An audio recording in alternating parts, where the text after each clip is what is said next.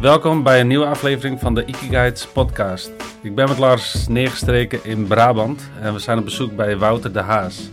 Wouter is oud profwielrenner en heeft nu zijn eigen buitengym opgezet, genaamd Back in Nature. Wouter is gepassioneerd over alles rondom gezondheid en teruggaan naar onze basis, onze natuur. We hebben voor de podcast de Back in Nature Experience gehad, met een dikke workout op blote voeten, ademhaling en een ijsbad. Laat je inspireren door Wouter, want ik kan je zo'n natuurtraining wel aanraden. Lekker op blote voeten, in de frisse buitenlucht, het zonnetje op je bol en samen een heerlijke workout doen. Ik zal het adres in de podcastomschrijving zetten, zodat je zelf ook zo'n heerlijke back in nature ervaring kunt opdoen. Veel plezier. Nou, dames en heren, welkom bij een nieuwe aflevering van de Iki Guides podcast. We zitten weer in de Iki tourcamper.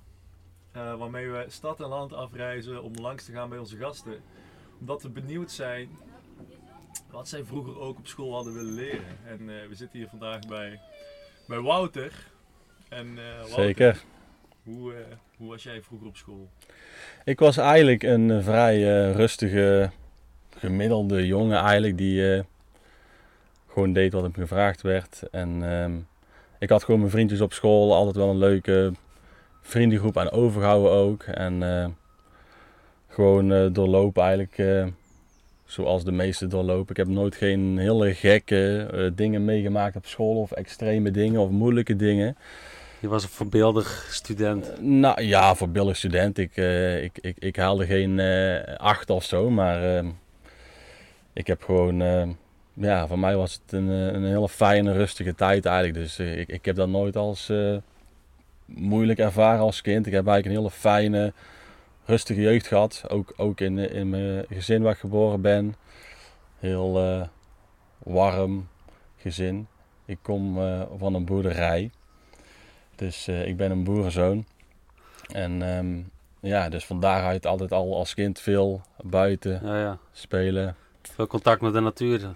Ja, daar is wel, wel dat, uh, dat begonnen, ja. Hè, dat gevoel wat toch van binnen zit. Dat, uh, dat buiten willen zijn, wel uh, wat ik als kind al had, ja. Ik, ik klom als kind in bomen en ik kreeg een BMX'je voor mijn verjaardag. Dus ik was heel lang aan het fietsen. Hè, alle lang rondjes fietsen ja. door de tuin. Dus zo, ja. En ik heb een oudere broer en een jonger broertje en een jonger zusje. Dus het gezin van vier kinderen. Dus we hebben als kinderen, als broertjes, ook heel veel aan elkaar gehad vroeger. Dus we hebben echt super veel samen gespeeld. En, uh, dus we hadden niet per se uh, vriendjes nodig om te komen spelen. Ja, want hadden we hadden we elkaar allemaal aan. Dus. Wat voor soort boerderij was het? Mijn uh, vader heeft kippen.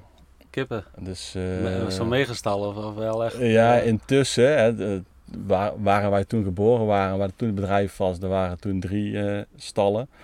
En dan heb je het over een 20.000 kippen per stal of zo. Maar um, toen ik een jaar of twaalf was, zat ik net in groep 8 geloof ik, basisschool nog. Toen zijn we verhuisd naar een nieuwe boerderij. Hebben mijn ouders een nieuwe boerderij gebouwd. Dus nieuwe stallen, een nieuw huis, et cetera. En toen is het bedrijf groter geworden. Dus um, ja, toen hadden we nog meer grond. En toen uh, kregen we als kinderen uh, crossmotortjes en squatjes. Dus wij ja. hebben eigenlijk alle, heel mijn jeugdjaren zijn vooral buiten geweest. Ja. ja. ja. Klinkt als de ideale, ideale jeugd. Ja, ja voor, uh, in mijn keel van. voor veel, uh, veel, veel vrienden wilden ze vaak bij mij afspreken. Want bij ja. mij uh, mochten we lekker met de motor rijden. Of, ja. of met, met, met, de, met de slee achter de tractor of zo vooruitgetrokken worden door mijn vader.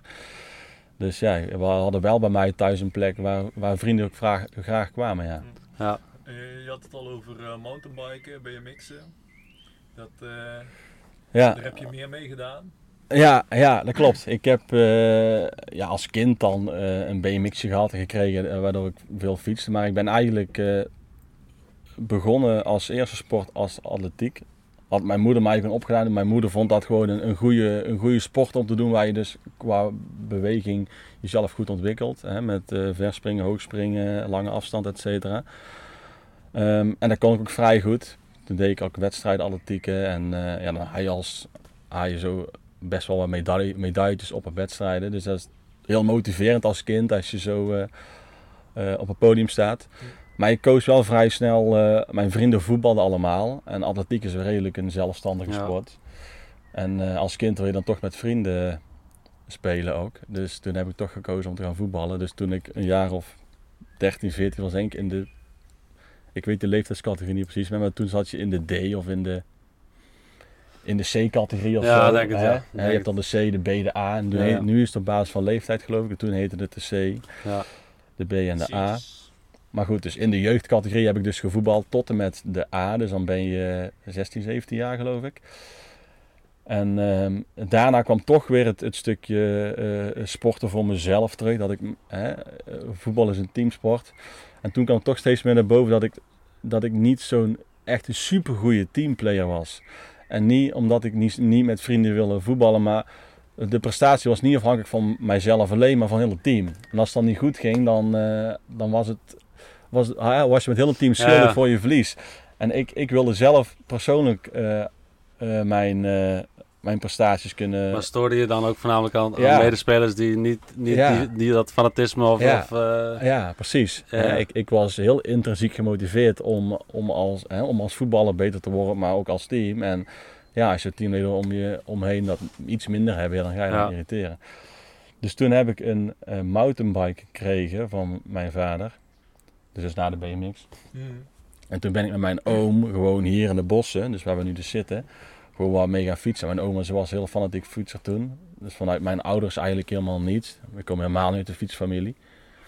Maar eh, zo ben ik hier in de buurt wat eh, eh, ja, gewoon toertochtjes gaan fietsen. hè. Je kunt op zondag dan inschrijven voor een tocht en dan kun je gewoon een route uitgepeld. En zo ben ik begonnen als... en daar bleek je wel aardig goed in te zijn dan. Ja, Of, ja. want, je, want je deed direct al wedstrijden? Of, Ik ben toen vrij snel begonnen met mountainbike wedstrijden, ja. En ja, dat ging me vrij, vrij goed af. Maar dat was ook omdat ik...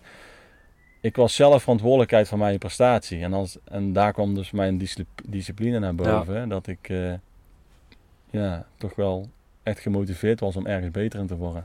En die discipline kreeg je echt als, al op de boerderij echt eh, al mee van jongs af aan? Dat je, dat je, Ja, ik kan niet zeggen dat het per se vanuit de, de opvoeding of vanuit de boerderij komt. Want ik ben helemaal niet gepusht of zo door mijn ouders om ergens goed in te nee. zijn. En die hebben mij en aan mijn broers en zussen altijd vrijgelaten in eh, alles wat we wilden. Maar het zit, zit gewoon in mijzelf of zo. Dus een, Ja. een intrinsiek, echt een intrinsieke motivatie. Want mijn broers en zussen hebben dat helemaal niet zo. Mhm. Dus in dat opzicht was ik altijd wel als vroeger als kind wel iets anders dan dat hun eh, waren op dat gebied. Wat, wat, Ja. wat, eh, wat dreef je daarin dan? Gewoon puur om, om te winnen of eh, te, te afzien? Of de Ja, en voor, voor mij het, het, het lichamelijk afzien deed iets met mij. Ja. Gewoon het, je, je- lichaam een soort van pijn doen en die pijn voelen, maar daar uiteindelijk wel een soort van een fijn gevoel aan overhouden. En het, weet, en het ook voelen dat je met bepaalde trainingen beter wordt. Ik had nog helemaal geen kennis over, eh, over trainingen, maar ik wist wel als ik, als ik effort leverde of als ik eh, Ja. mijn best deed, dat ik een volgende training dat nog beter ging. Dus zo voelde ik wel aan mijn lichaam wat ik moest doen eigenlijk. Dus door als jonger gastje eigenlijk al te luisteren naar de signalen die mijn lichaam gaf, heb ik zo mezelf eigenlijk beter gemaakt. Zonder dat ik eh, echt een trainer had op dat moment of zo, die mij begeleidde in een trainingsschema of zo. Ja, dus het, het wa- was niet echt dat, dat er een, een pijnpunt was of zo. Dat, dat je, wa- was je de jongste misschien in je familie? Dat je dacht, ik moet tegen iemand opboksen of zo? Nee, of, of dat nee, ook niet? Nee, nee, nee, ik ben de tweede oudste. Ja. Dus, eh, Ja, dat hoor je nog ook wel eens. Dat, dat, eh, dat je ergens tegenop moet boksen en dat je daar zo gedisciplineerd en, en streverig Ja. van wordt. En dat je ja, daar Ja. goede resultaten... eh, Maar, ja. maar dat soort... het is echt zo'n intrinsieke interesse of passie van jou Ja. om, om, om zelf beter te worden. Ja, Dat heb je zelf aangeleerd. eigenlijk. Ja, ja, dat is een bepaalde drive of zo. Aan, eh, aan de progressie. Ja, ja, ja. Dat, dat was wel mijn soort van meetmoment. Ik had toen zoiets als mijn lichaam afziet, of als ik hè, bepaalde eh, pijnprikkels ervaar, of dat nou op, op eh, cardiovasculair niveau is, hè, uithoudingsvermogen, of, of op spierniveau, wist ik wel dat ik, dat ik daar beter van werd. Ja. En natuurlijk op, tot op zekere hoogte, want op een gegeven moment kom je ook jezelf tegen. Want als je elke dag jezelf alleen maar pusht, dan word je uiteindelijk eh, slechter. Dus ik heb ook wel momenten dat ik overtraind was als wielrenner. Dat je gewoon veel te veel eh, aan het doen was. Maar toen kwam het moment dat je wordt opgepikt door eh, ploegen die, waar je voor kan fietsen. En dan krijg je te maken met trainers die jouw schema's maken. En dan ga je echt op hartslag fietsen. En toen wordt het echt serieus. Dus want, dat- eh, ja, hoe komen we... Je ging van mountainbike, hoe lang heb je dat gedaan? Dan ging je naar Ja, wielrennen? ik ben ja, mountainbike en wielrennen was een beetje samen. Ik ben echt begonnen als mountainbike, echt gewoon puur voor de leuk samen met mijn oom toertochtjes Ja, ja. fietsen. En dan ga je dan meer doen, je gaat meer toertochten fietsen, je gaat mountainbike wedstrijden fietsen. Nou, dat gaat dan leuk af. En naast de wedstrijden mountainbike train ik ook met de wielrenfiets op de weg. Hè, omdat dat is een goede, goede samenwerking en training om naast het, eh, het technisch op de mountainbike ook je duurvermogen te vergroten. Dus zo had ik een wielrenfiets om op de weg mijn eh, trainingen te doen. En het mountainbike en wielrenseizoen eh, kun je een beetje loskoppelen van elkaar. Dus mountainbike seizoen is echt in de zomerperiode. En het wielrennen begint al vanaf maart of zo. Dus ja. ik ging voor wielrennenwedstrijdjes doen om op de mountainbike beter te worden. En zo ben ik een beetje in die sport gerold als eh 18, 19-jarig eh, gastje. Maar Ja. ook, ook richting ehm, semi-prof eerst? Of amateurs? Ja, Hoe daar zat ik- dat? daar Je- zat ik je toen je nog wel, eh, wedstrijden en daar, eh, daar werd je opgepikt? Ja, ja, het is niet eens dat ik, dat ik echt wedstrijden won, want dat was voor mij nog wel lastig. Ik zag wel dat mijn, eh mijn mede-collega's of mijn concurrenten, die hadden een specialiteit. Die waren e- in een bepaalde discipline heel goed. Die konden of heel goed tijdrijden, of heel goed klimmen, bergop, of heel goed sprinten. En ik kon alles een klein beetje goed. Ik, was, ik sprong nergens in uit, zeg maar. Ja, Maar ik was, wel, ik was wel heel waardevol voor teams, want ik kon wel heel goed voor andere teamgenoten helpen, zeg maar.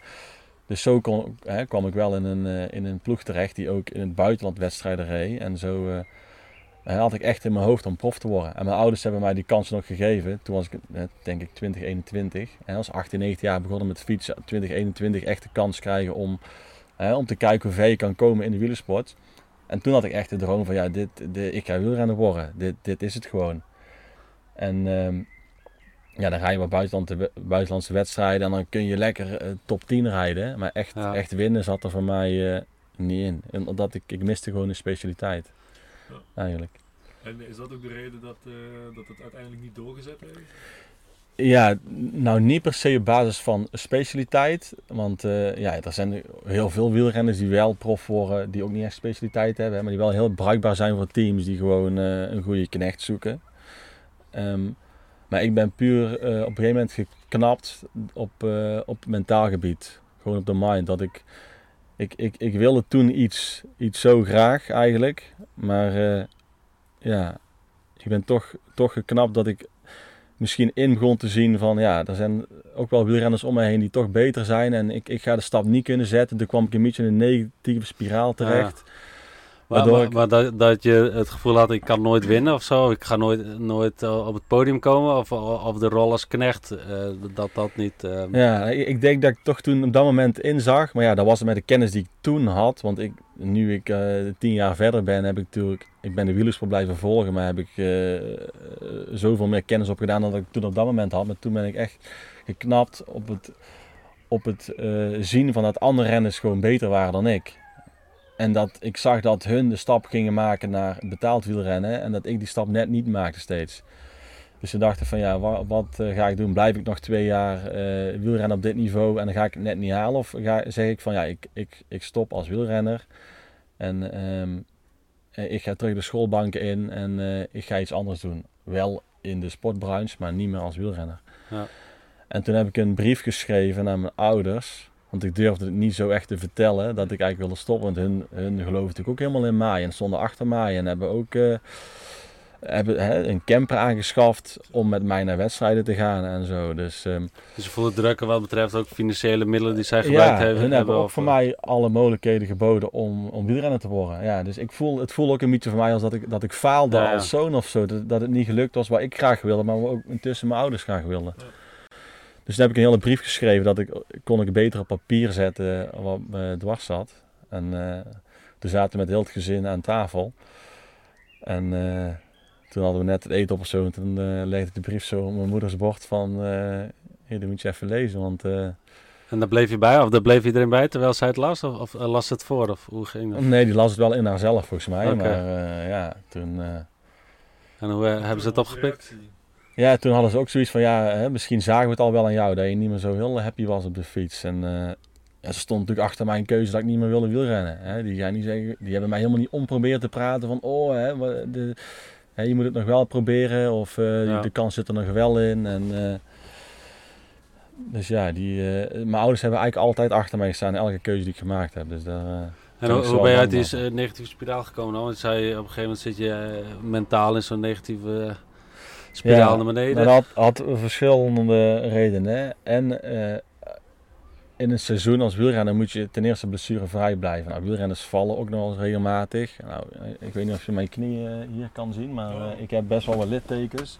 Dus ik heb best vaak bij valpartijen gelegen. Nou, als je een valpartij hebt ja, en je hebt meteen een schaafwond. eh, ik heb bijvoorbeeld in Tsjechië in het ziekenhuis gelegen dat heel mijn knie open lag. En dan lig je daarop, moet je daar gehecht worden in een mega vies ziekenhuis waar je, waar je liefst niet wil liggen. Maar goed, ja, dan lig je er weer een paar maanden uit. En dan hè, andere renners die rijden wel gewoon de wedstrijden. Ik kon dan niet. En als je zo een paar keer bij een valpartij ligt of je hebt een blessure. En dat, er zijn een beetje seizoenen die je dan vergooit. Daar ga je dan in je hoofd over nadenken. hè. En eh, ja, zo heb ik eigenlijk twee jaar verspeeld omdat ik te vaak naast de fiets lag dan op de fiets. Dus ja, dan ga je ook eh, wel denken van ja, is het dan toch wel iets voor mij? En, eh, en hoewel ik wel die echt die intrinsieke drive was, had nog steeds om zelf beter te worden, ja. ging, ja, gingen er andere dingen eigenlijk fout. Waardoor het toch... eh, Dus je had ook lange revalidaties eh, heb je gehad. ja, ja. En hoe ga, ga je daarmee om als, als je in een negatieve, Ja, spiraal dat komt en je moet, weer, dat is helemaal niet leuk. je moet weer terugkomen? ja. Deed Ja, je daar ook steeds, eh, speciale dingen voor eh, om, te- om je mentaal weer voor te bereiden? Of uh, gebruikte je mensen of zo erv- ervoor die je Ja, ik, helpen? ik had een, eh, vanuit de ploeg uit had je wel gewoon een coach, Ja. een, een, een trainer en een ploegleider. Hè, die, eh, waar je gewoon wel telefonisch contact mee hebt als Ja, je geblesseerd bent. Maar ehm, ja, ik moest het wel vooral zelf doen. Hè. Je moet na een blessure zelf weer gaan trainen. En dan krijg je wel weer je trainingsschema van wat je mag en kan doen. ja. Maar eh, ja, wielrennen blijft wel een, een, in dat opzicht een, een, eh, een single sport. Hm. Hè? Zeker qua trainen, dat je lekker, je maakt alleen je uren. En eh, aan de ene kant vond ik dat ook heerlijk hoor, want ik kan heel goed alleen eh, sporten en trainen. Dat doe ik eigenlijk liefst hè, dan, Ja. eh, dan met allemaal anderen. Maar ehm, Wa- wa- Wat me met wielrennen ook lijkt, is dat je fietst heel veel kilometers, maar eh, kun je het voor jezelf een beetje ehm, vernieuwend houden, omdat je, je- als je als je een beetje de routes vanuit je huis een beetje Ja. pakt, dat je heel vaak dezelfde ja, routes ja, moet fietsen. Klopt wat je zegt. Dat, dat je daar ook niet een beetje gek voor wordt. Ja, ja, ja, vanuit huis fiets je natuurlijk altijd een beetje dezelfde Ja. route. Dus je kent de weg hè, en je moet altijd dezelfde route naar een eh, nieuw gebied toe. Maar ehm, ja, je had natuurlijk wel met trainings, eh, met ploegmaten, dat je af en toe een weekendje naar bijvoorbeeld de Ardennen reed met de auto. En dan ging je daar een weekend trainen. Of je ging naar de Limburgse heuvels, kun je ook heel goed trainen. Of in Duitsland. Dus je had zo wel een moment in het jaar dat je met een paar teamgenoten Ja. erop uitging om in een ander gebied te trainen. Maar voornamelijk is het eh, uren maken in je eigen omgeving. En eh, ja, maar daar, leer je wel als wielrenner om gewoon eh, drie, vier, vijf uur aan één stuk op de fiets te zitten en gewoon je training te doen.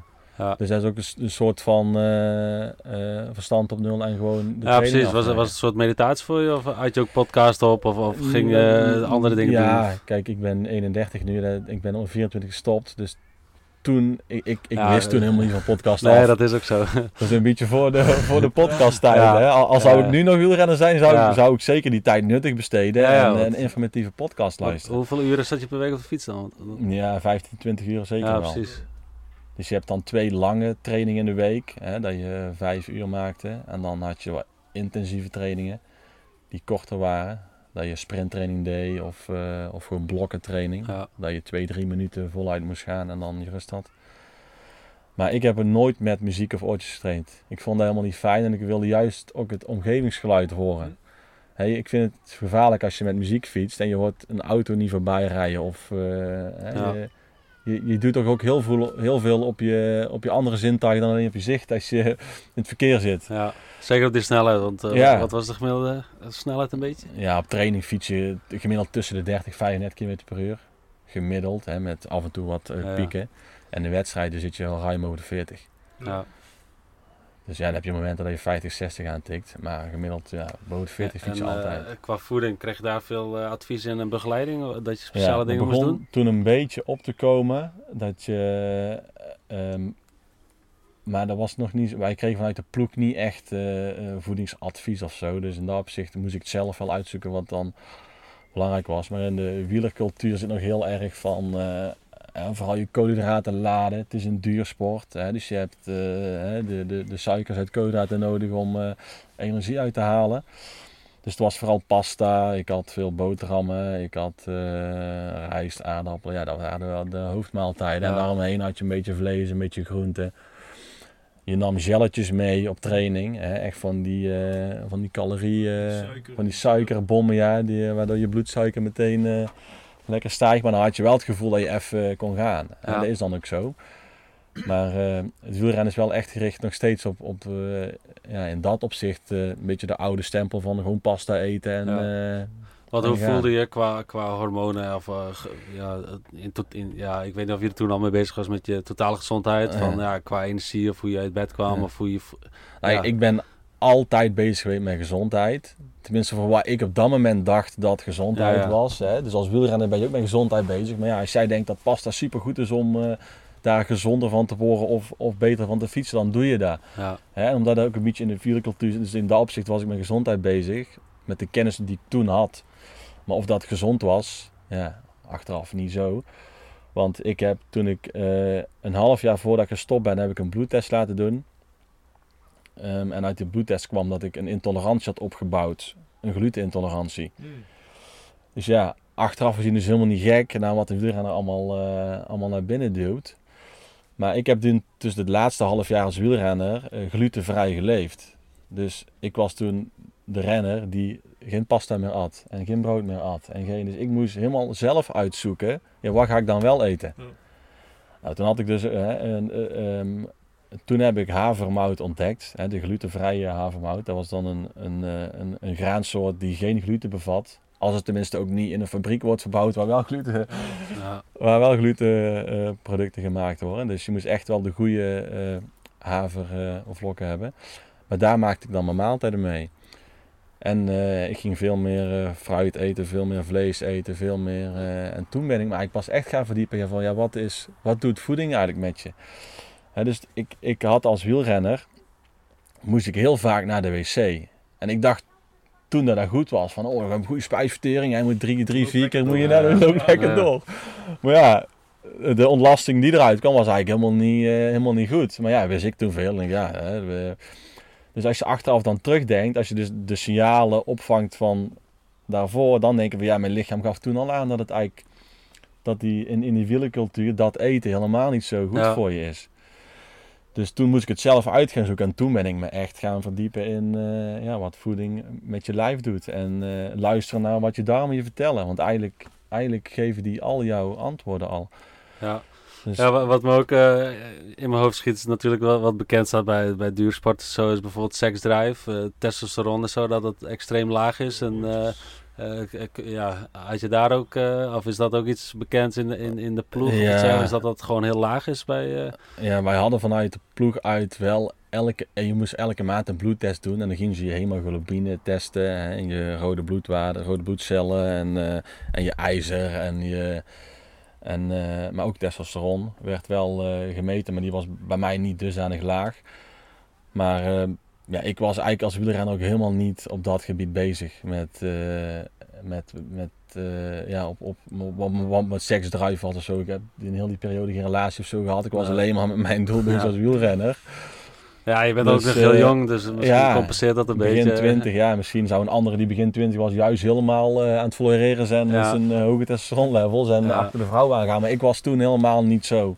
Nou ja, misschien is dat wel een teken dat, dat, dat je er helemaal niet mee bezig was, omdat je zo laag ja, eh, misschien wel. was. Ja, ja. Dat, je da- dat die behoefte er ook helemaal niet was. Dat zou Nee, kunnen. nee, ja, dat zou ook kunnen. Ja. Ja, Dus als je achteraf zo die, die vragen gaat stellen, ja, dan, eh, ja, dan kun je misschien wel stellen dat, dat eh, ik als wielrenner helemaal niet zo gezond leefde. Buiten dat ik veel bewoog, heel veel sportte, Ja. heel veel actief was, was het misschien voor mijn lijf helemaal niet zo. nee. Dat, dat was voor hen een beetje een beeld van gezondheid. Als Ja. je veel beweegt en eh, nou, goed eet, zeg maar. Th- That's it. Ja. Er was geen andere... nee. En, en, en, die keer dat je dan ehm, eh, je, je, je voeding omgooide door je glutenintolerantie zo, merk je dat aan sportprestaties? dat je meer fruit ging eten, et cetera, en dat je eigenlijk eh, beter Nou, ging? in, in het begin eh, voel je je eigenlijk slechter, want je gaat Ja. eigenlijk iets eh, anders doen wat je, waar je lijf eh, niet om vraagt. Of niet om vraagt, waar je, ja, waar je lijf eh, misschien nog niet zo goed eh, mee om kan gaan. Dus toen ik in het begin weer ging trainen met een heel ander voedingspatroon, eh, ging het eigenlijk helemaal niet zo goed. Mm. Dus misschien dat daar ook weer allemaal kleine stukjes waren waarom ik uiteindelijk gestopt ben. Maar uh, uiteindelijk op lange termijn, ik, toen ik dus gestopt als wielrenner, heb ik dat glutenvrij uh, eten gewoon doorgepakt. En ben ik dus in de uh, fitnessbranche terechtgekomen. Dus ik ging vanuit wielrenner gewoon in een sportschool trainen. En denk, ja, dan ga ja, ik... Dat je de brief aan je moeder had gegeven. Ja, ja. Dus zo... ja, het, het, het, trainen en het bewegen, dat zat zo in mij. Ik, ik, ik kon niet stilzetten. Dus ja, ik ging mijn beweegdrang gewoon in de sportschool voortzetten en niet meer op de fiets. En dat was als... Uh, ik ben wel benieuwd, hoe, hoe, ging dat? Jij had die brief dus aan je, aan je ouders laten zien. En hoe, hoe is het daarna gegaan? Uh, ben je toen meteen gestopt? Of? Um, daarna heb ik een, uh, een gesprek gehad met mijn ploeg. Met de ploegbaas of ploegleider. ja, ook daar mijn verhaal verteld. En van kwam er ook wel als een bom. Die had het niet aanzien komen. Die hadden niet aan mij gezien of zo. Dat, dat het eigenlijk niet zo goed met mij ging in dat opzicht. Ik, ik reed op zich nog gewoon redelijk resultaten. Het is niet dat ik eh, mega slecht reed, maar ja, gewoon gemiddeld. Ik, ik vond dat voor mezelf gewoon niet goed genoeg. En, uh, maar ja, wat kan zo'n ploeg doen als ik zeg ik wil niet meer uh, fietsen? Ja, die gaan niet zeggen van ja Wouter, jij moet fietsen, want uh, hè, we hebben jou in de ploeg, dus jij mag pas aan het einde van het seizoen stoppen. Ja, ja, dan is het ook wel zo menselijk dat ze gewoon reageren van ja Wouter, als, als dit jouw keuze is, dan, ja, dan, ja. Ah, je, hebt een, je hebt een zware knoop doorgehakt. Ja. Uh, had je op dat moment al wel een beeld van wat je dan wel wilde naast dat wielrennen? Nee, eigenlijk nog helemaal niet. Ik, de, die, ja, die, die, die passie voor bewegen zat sowieso in mij. Dus dat, uh, iets, dat ik iets, in, iets met bewegen ging doen, dat, dat, dat wist ik wel, maar nog helemaal niet wat. Dus uh, toen ik die gesprekken met mijn ouders heb gehad, van ik wil niet meer wielrennen en daarna met mijn ploeg van ik wil niet meer wielrennen, heb ik dus ook al mijn eh, spullen ingeleverd. Hè, want je hebt natuurlijk een fiets van de ploeg en mm. kleding en helm en alles. Uh, eigenlijk is niks van jezelf. Al je krijgt het allemaal uitgeleend. Dus hij moet allemaal terug. En toen uh, ben ik dus, ja, heb ik me ingeschreven hier in Eersel gewoon bij de sportschool. En uh, ja, ben ik zo begonnen van duursporter omvormen naar krachtsporter. En hetgeen wat ik nu doe eigenlijk en ook gezien dat ik daar, daar heb ik echt mijn passie in gevonden. Ja, en hoe, ontstond dat dan? Je ging zelf gewoon kaart pompen in de gym met uh, gewichten ja, en, en... Ja. ja, ook daar is het begonnen zonder kennis. Maar gewoon met mijn, uh, op basis van gevoel van ja, ik moet uh, wat gewichten wegduwen. En dan kijken of ik de volgende keer meer kan ja. doen. En liep je daar tegen mensen aan die je daar verder in enthousiasmeerden? Of, of, ja, ook toen, allemaal zelf? Nou, nee, je had daar wel trainers rondlopen. Die dan, en dan ga je er voor de eerste keer met een trainerschema werken. En dan krijg je oefeningen mee. En dan uh, ja, je moet eerst oefening aanleren. Ja, dat is een heel proces. En in het begin denk je dan dat je heel wat kan en heel wat bent. Maar uh, ja, dat is een, uh, die eerste twee jaar in de sportschool zijn wel hele leerzame jaren. Je doet eigenlijk eerst heel veel fout. Wat je. En als je daarna goed naar je lijf kijkt en luistert, ga je het daarna steeds beter doen. Want je gaat steeds beter voelen hoe je moet bewegen. Dus uh, ja, naast dat ik natuurlijk veel um, gesprekken had met een trainer die daar werkte, um, ging ik natuurlijk zelf ook veel opzoeken. En toen zat ik ook op de opleiding, uh, de Fonte Sporthogeschool. Dus vanuit school had je dan de vakken anatomie, inspanningsfysiologie, uh, trainingsleer, voedingsleer. Dus dan heb je ook wel iets wat verdieping. Maar in de fitnessbranche is die, is, was dat, die verdieping redelijk oppervlakkig. buiten het menselijk lichaam leerde je wel heel veel dus helemaal anatomisch en zo. Uh, leer je welk lichaam in elkaar zit en hoe de spieren lopen en de benamingen en uh, et cetera. Maar echt verdiepingen in, in de krachtsport, dat leer je op die opleiding niet. Nee. Nee, dan moet je eigenlijk zelf uh, of vanuit, um, vanuit de... Die verdieping heb ik wel opgezocht met opleidingen of... of... Ja, ik ben daarna sportopleidingen vanuit de ALO en cursussen en zo gaan doen. Om steeds meer kennis te vergaren in, ja. In dat gebied, ja, waar toen echt mijn interesse lag, ja. En toen werd je personal trainer in die gym, in diezelfde gym? Ja, eerst ben ik gewoon als fitness trainer begonnen. En ja, daarna ga je uh, zelf voor mensen persoonlijk trainen. En dan zien mensen aan jou dat jij resultaat hebt met hetgeen wat jij doet. En dan kijken ze tegen je op en dan willen ze, ja, willen ze een schemaatje van jou hebben. En dan, ja. ja zo rol je een beetje langzaam in, uh, in, uh, in die. Want ontwikkelde jij je eigen plannen dan? Of, of was het ook wat je had geleerd uit, uit de opleiding en zo en dat paste jij toe? En ja, een of, beetje een, een, mix. Je, je, leert natuurlijk de basis vanuit opleidingen, maar ja, je gaat daarna een beetje je eigen gevoel van trainen krijgen en je eigen manier van trainen eigenlijk zelf ontwikkelen. En daar ga je je eigen schema op maken. Dus je maakt dan een schema wat bij jou zelf past. want eh, een schema die ik voor jou maak, hoeft misschien voor jou helemaal niet zo juist te zijn. Nee. Dus zo ging ik echt hè, eerst naar mezelf kijken van wat heb ik nodig, maar daarna ook naar mijn klanten kijken van wat hebben mijn klanten nodig. Dus zo, eh, ja, door de jaren heen heb ik dus zoveel klanten één op één begeleid, dat je, dat je hè, de juiste vragen weet te stellen van wat iemand echt wil en wat, waar iemand staat, wat is de beginsituatie en wat heeft hij nodig en hoe Ja. wil die, hoe wil die eh, bewegen en wat wil hij bereiken. Ja. En eh, ja, ik denk dat veel luisteraars, me- ja, ik zelf ook, maar a- als je dus, dus meer spiermassa, ehm, want, jij, want jij komt als wielrenner natuurlijk ook als uh, scharminkel binnen. Ja. Eh, eh, Gro- grote bovenbenen. Ja, dat En wel. Klein bovenlichaam. Ah, ja, Ja. precies. en, dan- en dan wil je ja, spiermassa bouwen. Eh, ja, waar Ja. begin je? Ja, waar begin je? Dus, het is, eh, het- ja, ook, ook ehm, qua voeding had je natuurlijk al heel veel tijdens wielrennen, maar dat Ja. zal... Uiteindelijk, eh, het, als, als beginner is het eigenlijk het makkelijkst. Want alles wat je doet, of alles wat je meer doet dan dat je voorheen niet deed, heb je resultaat mee. Hè? Dat, is gewoon, eh, Ja, dat is gewoon een progressie die je, die je dan boekt. Maar naarmate je eh, steeds sterker wordt, wordt het steeds moeilijker om nog sterker te worden. Dus als ik een, als ik een beginner een, een schema geef eh, eh, en die wil zijn bovenlichaam versterken, dan gaat hij in een maand tijd echt resultaat zien. Als hij precies doet wat ik van hem vraag. En dat is dan heel simpel dat je bepaalde spiergroepen in bepaalde sets en bepaalde herhalingen gaat prikkelen. En daarna een bepaalde rust geeft. ja, Dus het is eigenlijk, eigenlijk zoeken mensen, mensen vaak te moeilijk naar, een, eh, hè, naar de moeilijkste oefening of naar de, de oefening die het leukste uitziet. Maar het is eigenlijk, krachttraining is eigenlijk heel basis. Je hebt gewoon eh, duwbeweging, je hebt trechtbewegingen, je hebt eh, heupdominante oefeningen, kniedominante oefeningen. Dus eigenlijk al zou je squatten is kniedominant, dan zou je deadlift is heupdominant. Dan heb je dus voorkant benen, achterkant benen of achterkant lichaam, voorkant lichaam.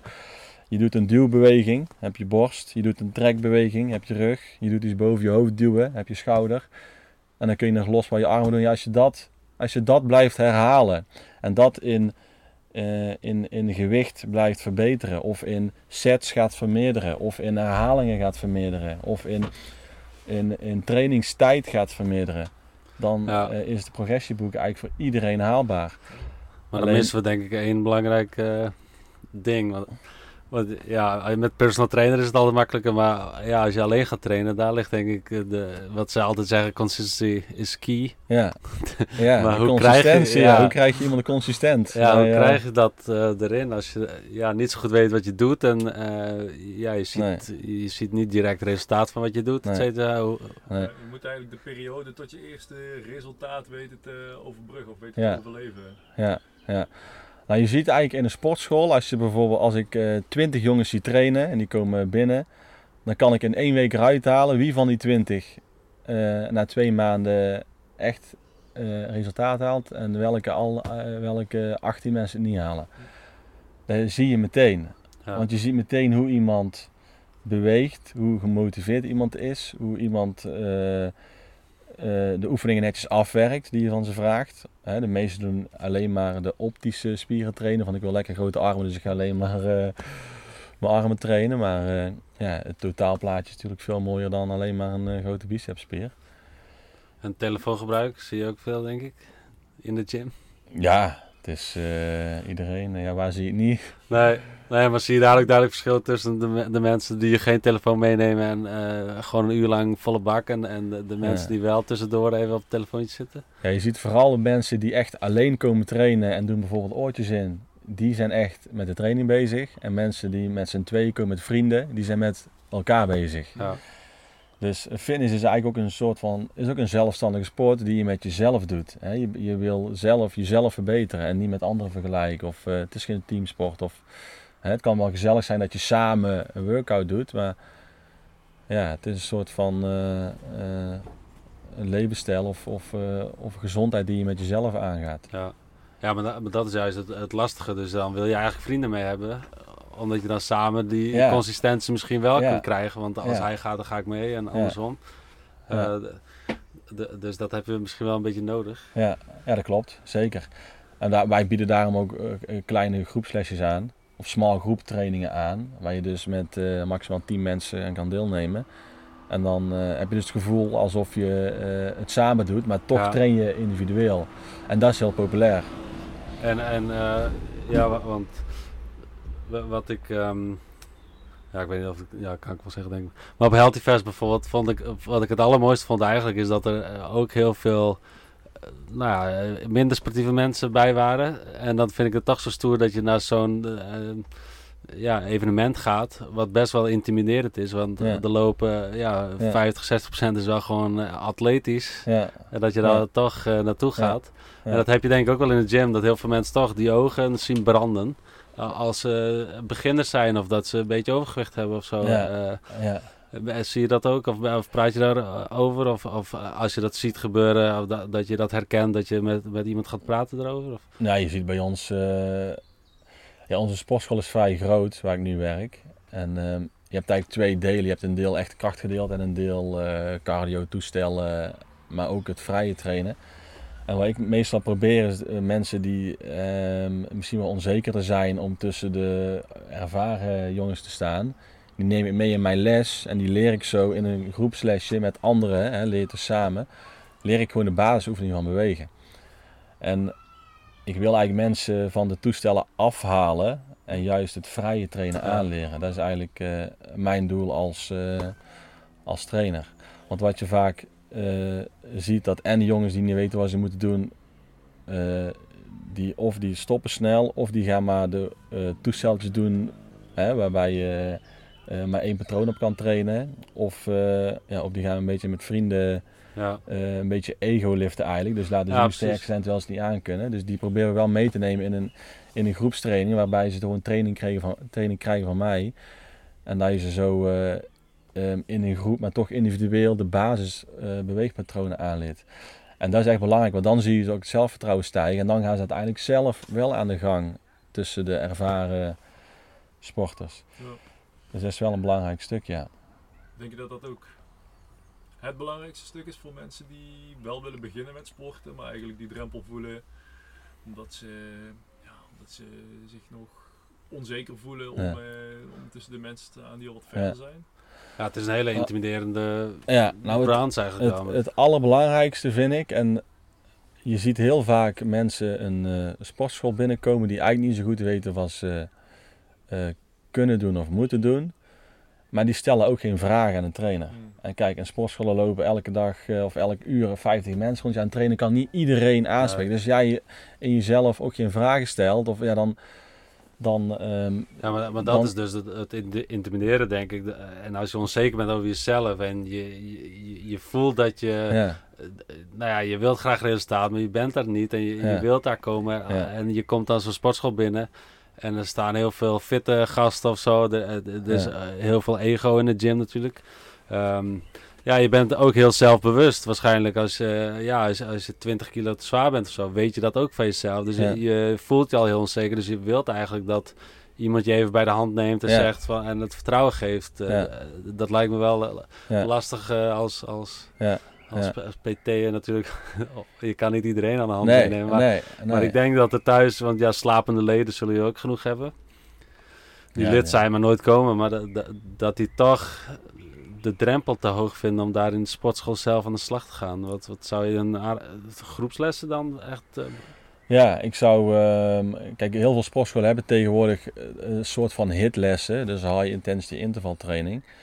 En dat is gewoon een hele laagdrempelige les waarin je ehm, ten eerste echt een goede training hebt. Dus een- zo'n korte intensieve training die vaak binnen een half uur gedaan wordt. Dus je hebt door zo te trainen heb je best wel snel resultaat. Je voelt je best wel snel energieker. Je voelt je fitter. Je merkt dat je oefeningen beter gaat doen. Dus dat is eigenlijk een heel laag instapmodel. Dus als je echt eh, het lastig vindt om een sportschool binnen te lopen en je hebt misschien last van overgewicht en je durft misschien nog niet echt vragen te stellen en je weet helemaal niet hoe je alleen aan de gang moet, dan is het echt eh, super leuk ten eerste, maar ook echt wel heel Ja. goed voor je lijf en eh, voor je zelfvertrouwen om dat soort lesjes op te zoeken omdat je dan eh, ja, en de oefeningen goed leert, dat je altijd een trainer hebt die de les geeft en die uitleg geeft hoe je moet staan, hè, dat je de juiste houding hebt.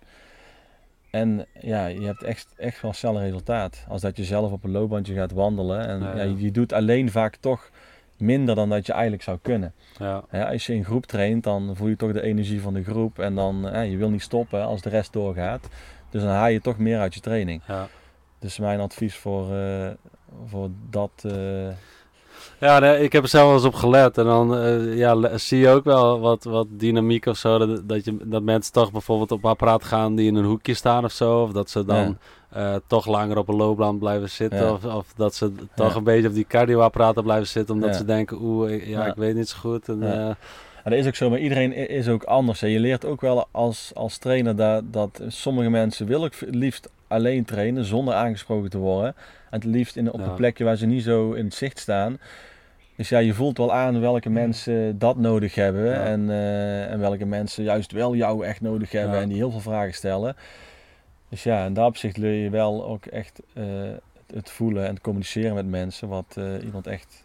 Ja, ik vind het gym, ik vind dat echt zo'n onzekerheidspaleis aan- eh, van, van het hele eh, spectrum. Dus je hebt, eh, je hebt dan ook hele brede dudes die misschien eh, zichzelf nooit breed genoeg vinden. En dan ook eh, zichzelf heel erg vergelijken met andere dudes en zo. Ja. En dat, dat, Ja, en dat, dat een beetje verbloemen met macho gedrag of, of dat soort dingen. Ik, Ja. vind, ik vind het altijd, ik vond het altijd wel een interessante eh, omgeving om te zijn. Om, om, Mm. om te kijken hoe dat, hoe dat psychologisch allemaal werkt. En Ja. iedereen is toch op op een of andere manier met elkaar bezig. ja.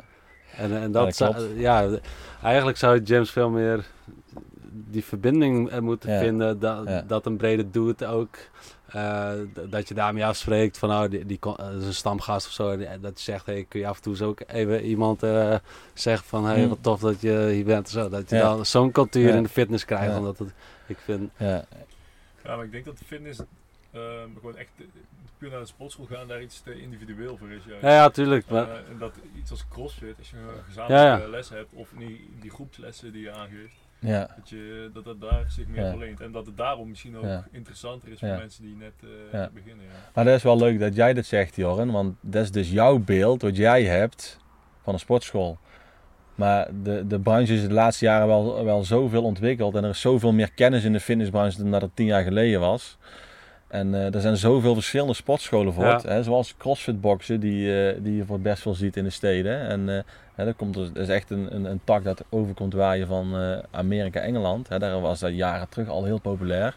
Nu komt dat steeds meer naar Europa en dus ook in Nederland. Maar dat zijn wel ehm, eh, manieren van echt samen trainen. Hè, dat je zo'n workout of the day doet, zo'n watch die je nu, die je nu overal ziet. Dus Ja. je hebt heel, je hebt heel veel, veel verschillende soorten sportscholen waar je voor kan kiezen.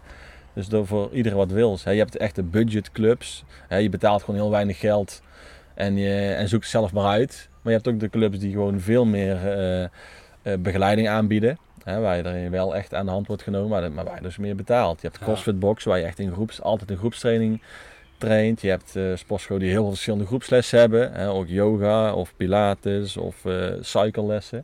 Ik heb zelf ook fietsles gegeven, spinning. ja, maar dat is ook... eh, Dus eh, ja, je hebt eigenlijk, eh, ja, die branche is wel echt in dat opzicht heel positief ontwikkeld. Dat, je, dat er wel keus genoeg is voor iedereen, op welk niveau of, welk, of hoe je ook in het leven staat.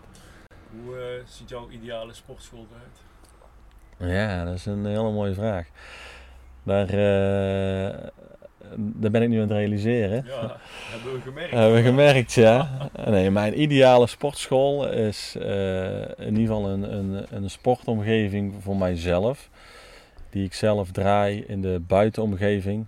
Dus eh, ik ben wel in gaan inzien, eh, ehm, zeker de laatste jaren, hoe belangrijk en fijn het is om, om buiten te kunnen sporten.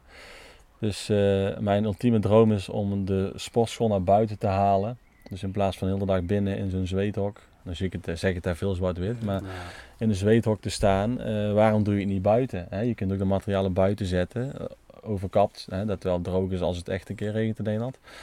Maar de ultieme droom is dus dat ik thuis werk, dat ik thuis mensen ontvang in mijn eigen tuin, met een eh, sportschool, een gym in de tuin, met een hok, een overkapping, met sportspullen. En dat ik zo mensen één op één of in een small groep eh, mensen begeleid met eh, leefstijl en met gezondheid. En dan niet alleen maar eh, trainen en eten. Hè? Want als mensen aan gezondheid denken, denken ze alleen maar: oh, ik moet of meer bewegen of ik moet minder eten.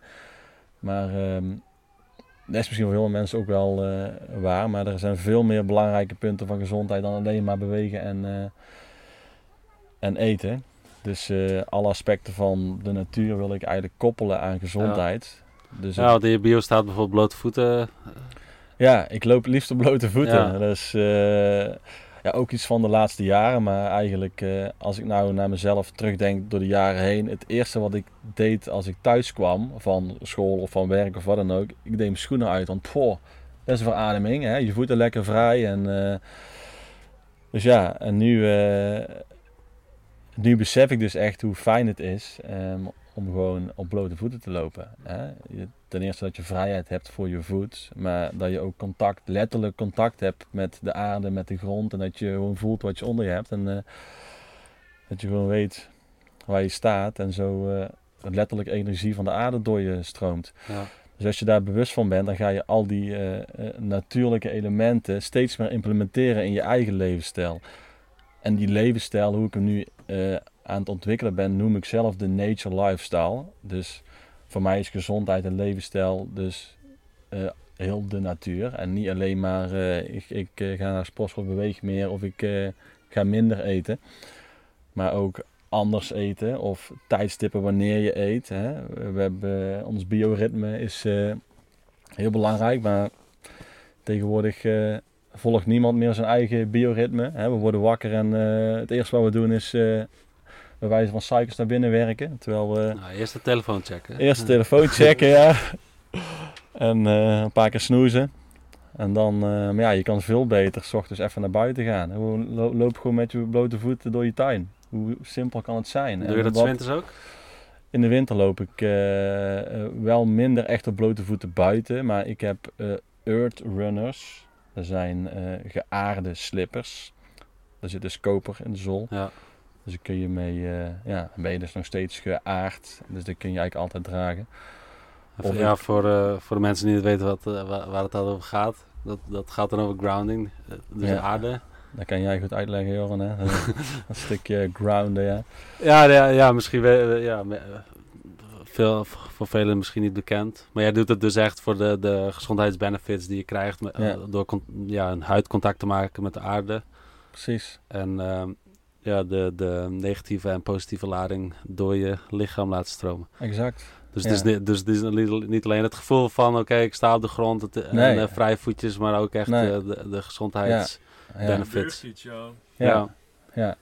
En zeker als je er echt eh, eh, bewust van bent en dus daarna ook over gaat lezen. Hè, de, de afgelopen twee, drie jaar eh, is het natuurlijk eh, voor mijzelf een enorme ontwikkeling geweest. eh. dus eh, ik weet niet of ik het een woord mag noemen, maar corona is voor mij een zegen geweest. Hè? ehm, en dan heb ik het niet over de maatregelen, want die waren natuurlijk eh, voor niemand leuk. Maar eh, voor mij wel een eye-opener ehm, in hetgeen wat ik misschien altijd al voelde in mijn lijf, waar nu echt tot uiting kwam van eh, wow, hoe, wij, mm, hoe de massa leeft is eigenlijk helemaal niet hoe wij horen te leven. Nee. Dus ehm, ja, en toen ben ik al die eh leefstijlelementen die ik nu dus zo belangrijk vind, dus het buiten zijn, in de natuur zijn, aarde, eh, eh, gewoon zonlicht. Hè? Waarom zijn mensen bang voor de zon? Ja, kom op, we, we leven al honderdduizenden jaren onder, onder, de, onder de zon. Ja. Waarom zijn we er bang van? Of in ieder geval bang, bang om... om Ja, we worden bang gemaakt natuurlijk. ba- ja, je wordt want het is gemaakt. zon geeft je huidkanker. Ja. Dat is het, de boodschap. Ja, ja. Dus wij gaan niet meer in de zon, dus gaan we maar binnen zitten. Ja. Ja. Dus eh, nee, ik ben daar al die leefstijl-elementen op mezelf gaan toepassen. En eigenlijk gevoeld van, eh, wow, ja, dit, dit is wat ik eigenlijk altijd al voelde. Zo, zo horen, wij, zo horen Ja. wij om te gaan met de elementen van de natuur. Dus zo eh, heb ik een soort van nature lifestyle eh omschreven. Maar, maar dat, dat is ook allemaal weer eh, self-education. Dat je, dat je het internet afgaat eh, na- naar informatie en zo. En constant stukjes pakt. Of hoe is dat? eh? Ja, ja dat, gaat, eh, dat gaat beetje bij beetje, stap voor stap. eh, ga je steeds meer verdiepen in onderwerpen. Ga je onderzoeken lezen over, eh, over die natuurlijke elementen. En dan eh, kom je stapje voor stapje dichter bij de kern. En staan ze daar in de gym ook een beetje voor open? Of is het alleen nog eh eiwitshakes en eh, Mm, dat soort nee, in de gym is het, eh, is het nog ver van de natuur af. Nee, daar, ja, daar vragen de jongens nog van welke eiwitshake moet ik nemen om, om groter te worden. En Ja. welk was de beste pre-workout. En Ja, er zijn ook eh, wel onderdelen in de, in de krachtsport die mij nooit echt gepakt hadden, hebben. Ik, ik heb nooit pre-workout gebruikt om, om energiek voor een training te zijn. Ik denk, ja, ik, ik pak gewoon een, een koffie of eh, ik, ik, ik heb de energie vanuit mezelf en ik kon Ja. altijd wel lekker trainen. Dus ja, dit, het, het feit dat zoveel jongens al eh pre-workout nodig hebben om überhaupt energie te hebben om te gaan trainen, zegt al heel veel over hun energielevel. Dus zegt al heel veel over een levensstijl, wat ze dagelijks doen aan gezondheid of wat ze eten of eh, ja, hoeveel stress ze hebben, ja, noem maar op. Ja. Dus eigenlijk eh, geeft hun lichaam eigenlijk al het signaal van ja, je moet eigenlijk iets anders gaan doen jongen. Want, maar ja, wij gaan dan externe dingen toevoegen Ja. om, om maar even energie te hebben. Dat is hem, ja. Dat draait de economie op natuurlijk. Dat, je Ja. producten blijft kopen om maar een stukje beter Ja. en beter en beter te voelen. Ja, Ehm, maar de, de coronaperiode heeft jou dus ehm, veranderd in dat opzicht. Dat je zegt, oké, eh, ik word nu even gedwongen om stil te staan. En eh, je hebt toen het roer omgegooid? Of, of was het... Was Nou, de switch ik nog heb, het- niet ik heb zo niet het roer omgegooid, want ik was natuurlijk altijd al met eh, Ja. gezondheid. Ja, maar dat je echt zegt, oké, dit ga ik nu achterna. Ja. Nou, ik heb wel. ehm, ehm, ik, heb, ik, ik werk dus nog in loondienst voor een baas, maar ik heb altijd de droom gehad dat ik een, zelf mijn eigen sportschool of sportomgeving wilde. Maar hoe ik dat voor me zag, dat wist ik nog niet. Hm. Ik wilde gewoon een sportschool, want ja, ik, eh, ik, ik, eh, hè, ik dacht, van, dus dat ondernemerschap zit wel in jou en, eh, en dan, kun je, dan kun je je eigen visie uitdragen naar je klanten en hè, hoe je zelf mensen wil trainen. Ehm, kijk, nu, nu werk ik dus voor een, een sportschool waar ik dus hun strategie en hun, hun programma's moet, mee moet trainen. En eh, ja, dat zijn niet altijd programma's waar ik 100% achter sta. Ik doe mijn werk wel voor, voor hun en ik... eh, ehm, maar ja, als ik echt mezelf eh, mijn eigen visie mag uitdragen, dan is het iets compleet anders. Ja. En dat is door corona wel steeds meer gaan stromen. ehm, wat ik echt wil. Hè? Dat je echt ehm, erachter komt van, ja, zo wil ik mensen gaan helpen. En ik noem nu door corona, maar daar kwam de sportscholen gingen dicht. Ja. Dus wij mochten niet meer binnen trainen, want dat was zo ontzettend gevaarlijk. Dus wij moesten buitensport aanbieden. Of moesten, dat mocht je dan doen. Nou, Ja. wij deden dat natuurlijk. Maar toen kregen we dus zoveel geluiden van leden die het zo ontzettend fijn vonden om buiten te trainen. Wij haalden gewoon alle sportmaterialen, sjouwden wij elke ochtend naar buiten. Alle barbells, alle, alle eh, dumbbells, alle, alle losse gewichten. Dus alles behalve de toestellen. Ja. Nou, dat was voor mij dus perfect, want ik wil het liefst op losse gewichten trainen, niet op Ja. toestellen. Dus ja, toen kon ik ook echt steeds meer de training gaan doen die ik, waar ik echt achter sta. En dan kon ik dus iedereen die normale toestel trainen, kennis laten maken met vrij trainen. En dan krijg je veel geluiden van, oh het is zo fijn eh, buiten trainen, en lekker in de frisse lucht. En eh, ja, in plaats van binnen in zo'n hal eh, die vaak eh, bedrukkend warm is en eh, waar, je geen, eh, waar nog geen daglicht naar binnen komt. Maar, Nou, dat, dat, zijn, Dus- dat zijn de mooie bijwerkingen van, eh, van de maatregelen. Ja, ja, in dat opzicht wel ja. Dus ik heb er juist mijn voordelen uitgehaald en dat ik bij de pak neer ging zitten en eh, binnen bleef en luisterde naar wat, ze, wat de overheid van ons wilde. Heb ik juist naar mezelf geluisterd wat ik wilde. ja, dus die, die maatregelen hebben ook jou een beetje richting de zelfvoorzienendheid ge, Ja, nou, dwongen. Ja, mee, ja, een beetje deels, gedwongen, ja. deel- de- deels wel. Wat je, Want jij, Ja. jij had zoiets van, eh, ja, nou, zeg maar. Ja, nee, dat was, was ook de aanleiding voor, ja, het verhaal vertelde je net al, eh, hoe je hier met je eigen home gym bent begonnen. Ja, ja, ja dus dat, doordat dat ik zag dat mensen het buitentrainen zo fijn vonden, is mijn idee ontstaan van ja, waarom haal ik zelf niet de sportschool naar buiten? Is dat mogelijk? Kan ik dat realiseren in, eh, in een korte tijd? Of, en toen woonde ik al hier, dan dacht ik van ja, waarom, waarom doe ik het niet gewoon thuis? Waarom begin ik niet gewoon klein en, eh, en eh, ik bouw een hok in de tuin met een overkapping. Ik richt daar leuk in, ik koop er extra materiaal en ik ga thuis eh, mensen trainen. Dus nu heb ik een heel gave outdoor gym. Heet dus ook de Nature Gym. Of de Back in Nature Gym. En hier ga ik mensen thuis ontvangen voor één op één training, personal training, coaching. ehm, hè, dus op trainingsgebied, maar ook, eh, ik heb ook een ton voor koude training. Dus we kunnen ook eh, die facetten, hè, de fysieke stress van kou eh, ervaren. En wat er dan met je lijf doet en hoe je daarop moet reageren met je ademhaling. En ehm, ja, bij mij mag je op blote voeten trainen. Bij mij hoef je geen schoenen te dragen of dure schoenen te kopen om, uh, zelf, om te bewegen. En je bent lekker buiten, het is heerlijk. En, uh, of in kleine groepjes trainen. Er is zoveel uh, mogelijk wat ik ja. zelf met mijn eigen visie, mijn eigen manier kan uitdragen nu. Dus het is echt gaan stromen ja, de laatste jaren. Ja, nice. En ga je dan ook een soort van retreats of zo? Dat, dat je um, ja, een pakket aanbiedt waar, waar, waar je waar je op één dag of in een weekend van alles. Uh, ja.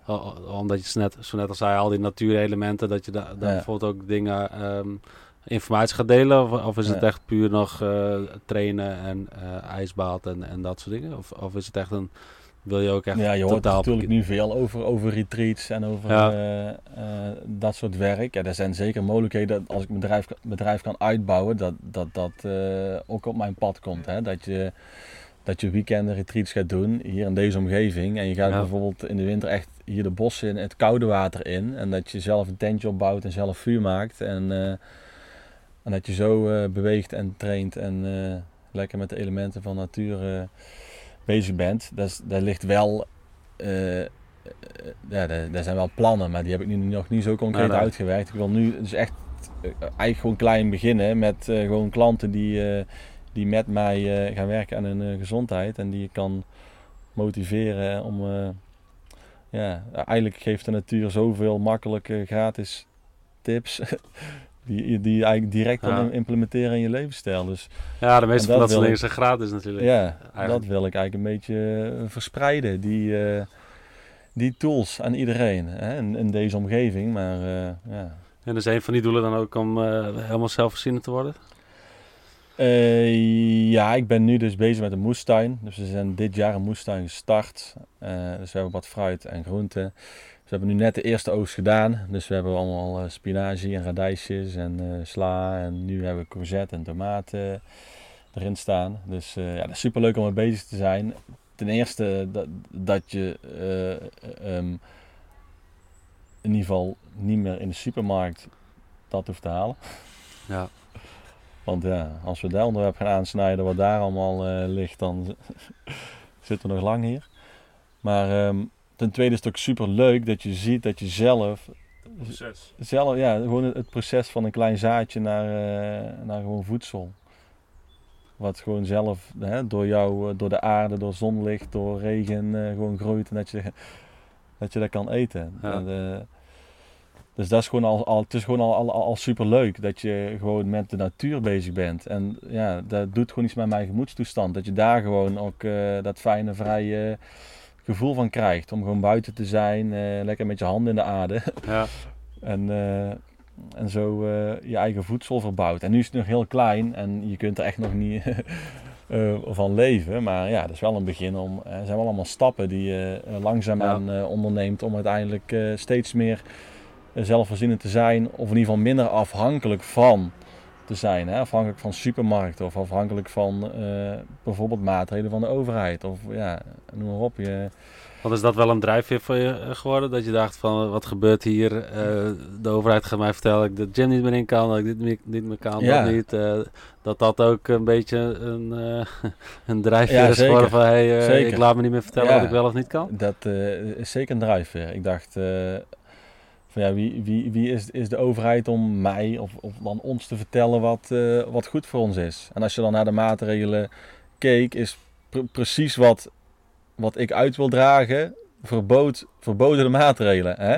Ik wil dat mensen naar buiten gaan, nee, je moest binnen blijven.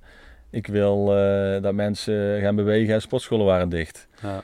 Ik wil uh, dat mensen uh, minder achter een scherm zitten of minder op de telefoon. En je, en je, moest heel erg voor de tv zitten, want het nieuws was zo belangrijk. Ja, alles, alles wat slecht was voor de gezondheid, was, was het advies van de overheid. Ik denk, ja, ja. Dat, kan toch, dat kan toch niet... Ja, het is grappig dat het dan gezondheidsmaatregelen... Ja, ja. ja. Grappig dat hun dat gezondheid vinden, ja. Maar je ziet over de jaren heen hoe de, hoe de massa steeds ongezonder wordt. En, uh, en daar kun je er niet meer onderuit. Nee. Hoeveel, uh, ik merk het in de sportschool hoeveel uh, jongvolwassenen al gewoon structureel medicijnen gebruiken. En ze weten zelf eigenlijk maar amper waarvoor. Oh ja, dat kreeg ik voorgeschreven van de dokter en ik slik dat maar. heb je het over Ritalin en, eh, of, of diabetes eh, patiënten die gewoon op jong, onze leeftijd, jong volwassenen, gewoon al, eh, al elke week eh, eh, insuline bijspuiten. Omdat eh, hun lichaam gewoon eh, zo... eh, Zie je daar een trend in? zie je wel echt een trend in, ja. Ja, dat, eh, maar dat, dat mensen ook niet, alsof ze het ook niet erg vinden. Alsof ze het, alsof ze het normaal vinden dat, eh Ja. dat medicijngebruik er gewoon bij hoort. Ja. ja, dat is natuurlijk... Dat, daar zie je wel eh, steeds Ja, meer. het, het is natuurlijk het idee van eh, ja, pech en geluk. Hè. Daar, Ja. daar heerst toch heel erg het idee. En da- daar, daar Ja. schrijven wij ook altijd over dat, Je kan dat- ziek worden. Dat- ja, ja, dat jij gewoon pech hebt. zit in de familie. Ja, precies. Dus, dus da- da- en dat je dan naar ja, de man of vrouw gaat die eh, ja, een beetje de God mode vertrouwen heeft Ja. eh, in de maatschappij. Want, want die, die weet alles. Ja, En wat hij zegt klopt. En wat hij zegt of Ja. zij zegt, eh, dat doe ik. Ehm, da- dat is ook een beetje hoe we zijn opgegroeid. Misschien. ehm, ja, de- als je een vertrouwenspunt hebt, dan is het natuurlijk de, de medici. Want Ja. ja, ja vertrouw Ja. de wetenschap. Dus, ja, dus, dus ik snap ook wel dat, dat, ja. dat men het doet. Alleen Nee, het, ja. het is ook, het is ook geen, geen, eh, geen verwijt Nee, naar nee, die absoluut niet. mensen. Nee. Maar ja, het is ook onwetendheid. Maar dat is dus mijn missie om eh, juist onze doelgroep, de jongvolwassenen, nu eh, zover te krijgen dat de bewustwording op basis van gezondheid en de bewustwording van hoe belangrijk en de kracht van onze natuur is, dat Ja. we het gaan voorkomen dat zij straks ook Ja. eh, in, in, die, eh, in, in een welvaartsziekte belanden. En dus ook vanaf een vijftigste al structureel eh, bloeddrukverlagers hebben of beta-blokkers, ik hoor het zo vaak, of eh, hartslag, eh hartslagverlagende medicijnen. Ja, het, het, het, het is net of, of mensen dat, dat is voor het normaal. ja. Nou, dat is juist die disconnectie met de natuur. Van, eh, Ja. We worden ziek en als we ziek worden, dan, dan is er medicatie. Hm. Maar jij, ja, jij wil dus laten zien, die medicijn is terug verbinden met de natuur. Ja, ja dat, je dan, dat je al heel veel eh, klachten kan eh, in ieder geval verminderen als je meer connectie maakt met de natuur.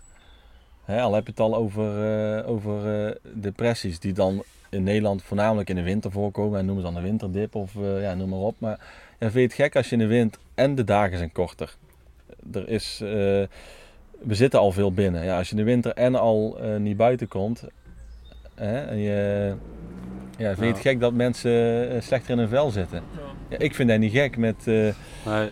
Maar ja, je, je, want ja, het is altijd wel lekker om te zeggen. En, eh, maar, maar het gaat er juist om dat, dat je nu mensen wil bereiken die dus helemaal niet bewust eh, van zichzelf zijn. En niet bewust van het potentieel of bewust van de mogelijkheden. Of bewust van dat ze daar zelf veel meer invloed op hebben.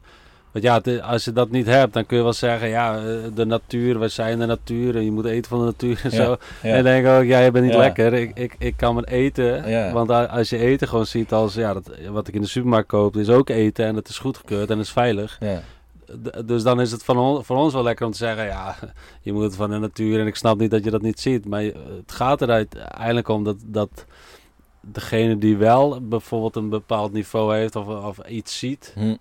iets ziet wat een ander niet ziet en, en dat heel graag wil delen, dan moet je eigenlijk kunnen laten Ja. zien van, eh, ja, wat ik zie, hey, kom hier ook eens kijken. ja. De- dus eh, hoe... Maar waar, ik, ik snap jouw vraag. Waar ik eh, denk, als ik puur naar mezelf kijk, iedereen zit in zijn eigen, in zijn eigen proces. En in zijn eigen manier van denken. En, in zijn, en iedereen komt, komt op, op bepaalde momenten achter bepaalde dingen. Over alle onderwerpen, zeg maar. ja. Dus als ik iets uit wil dragen, hè, wat mijn missie is om dus onze jongvolwassenen eh, te voorkomen dat die later verzandt in een welvaartsziekte. Hè, dus dat we nu eh, de elementen van de natuur moeten gebruiken. De mensen die, die, daar, die bij mij komen, die zitten dus op een bepaald, bepaald level, die daar kunnen, willen en kunnen aanhoren. Die denken van ja, wat hij vertelt, daar, daar, die, hij, hij kan mij helpen. Mensen die op een heel ander level zitten, die, die gaan ook nooit bij mij komen. Nog niet. Nee. Dat duurt misschien een paar jaar voordat hun soort van eh, awakening of zo, ja, ik weet niet hoe je het noemen.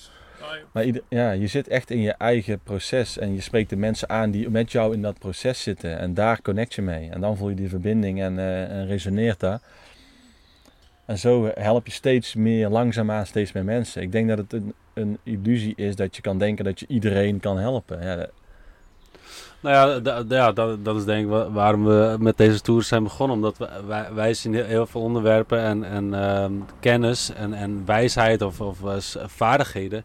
Waarvan wij zoiets hebben, dat hadden we graag in school willen leren. Ja, En ja, gezondheid. eh, Iedereen zegt, oh, ik vind het zo belangrijk. En eh, het belangrijkste wat er is, Ja. de rest telt niet. Maar ja. niemand neemt dagelijks, of ja, Nee. niemand, eh, veel nemen dagelijks niet de tijd om even in Nee. te checken van wat doe ik eigenlijk voor mijn gezondheid. Nee. Dus daarom toeren we natuurlijk ook eh, door het land van eh, ja, mensen die dat wel doen op, op bepaalde gebieden. Ehm, maar, maar hoe kunnen we dan. Want, want vaak gaat het natuurlijk om, eh, eh, voordat iemand verandert, ja, dat is een bepaald pijnpunt die eh, iemand moet bereiken. Maar ja, je wilt eigenlijk niet dat iemand eerst diabetes krijgt voordat hij daar iets aan gaat doen. Dus, dus ja, we, we moeten toch zien hoe we ja, mensen kunnen inspireren of, of raken. Ja. Dat ze wel bij jou komen. Een paar jaar voordat ze diabetes zouden kunnen krijgen. Dus Ja. ja, heb je daar idee over hoe we dat kunnen, ja, kunnen bewerkstelligen? Is, Ja. dat, is dat door zulke podcast of is het door... eh, ja, Ja, ik denk dat wij, dat, hè, dat, dat jongens zoals jullie of, of ik, juist onze kennis moeten verspreiden gewoon. Hè? Wij moeten het eh, eh, Het laten zien. delen en het vooral laten zien, ja. Als ik eh, bijvoorbeeld laat zien wat ik op een dag eh, doe, dan eh, ik denk, denk dat je zo'n groep bereikt die dan, eh, als je dat eh, dagelijks blijft laten zien, wat je doet, dat ze dan gaan zien van, oh, wat, wat hij doet, oh, hij, hij, hij ziet er zo uit, of hij heeft er zo voor elkaar, of hij... ja, dat, dat je dan mensen meekrijgt. Dus ja, het is voor ons wel een belangrijke taak als, we om, om echt te laten zien wat je zelf doet.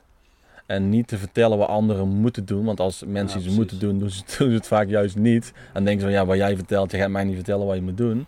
Maar als Ja, ik gewoon laat zien wat ik doe. tegen de overheid zegt van ja, jij gaat mij niet vertellen hoe het Nee, moet. En, eh, ja, dat is hetzelfde gevoel. Ja, Ja, dus dat, dat doet iedereen. Want Ja. dat is tegenwoordig een beetje de cultuur van... eh, ja, jij gaat mij niet vertellen. Nee. En dan, als jij het wel Precies. vertelt, doe ik precies. Ja. Dus eh, Nee, maar kijk, wat jij zegt, je kunt mensen, je moet, je moet mensen niet willen overtuigen. Je kan hoogstens laten zien wat jij doet, hoe jij het doet en welke resultaten jou dat brengt, wat Ja. jij daarmee bereikt. ja, En op die manier kan je ook verandering bewerkstelligen, ook door middel van een pijnpunt. Want dan hoeft het misschien niet te zijn dat iemand eh, echt tegen de muur aanloopt en helemaal in de put zit en daardoor de pijn heeft als Nee. om te veranderen.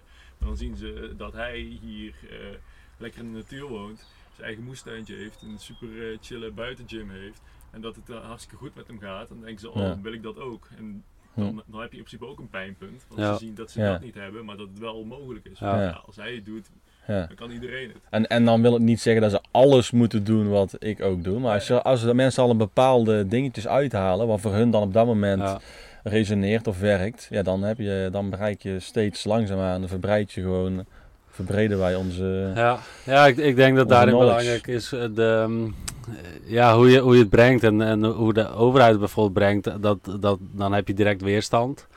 En dat, dat is met, met dit soort onderwerpen ook. Als, als jij gewoon zegt van, hé, hey, ik doe dit omdat ik denk dat, dat ik dit resultaat krijg. Of, eh, of de waarom erachter zie, of eh, ach- achter vertel.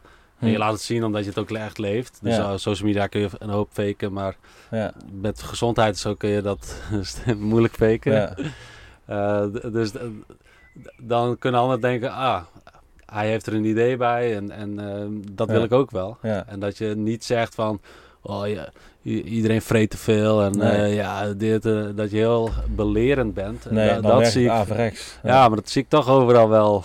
Ja.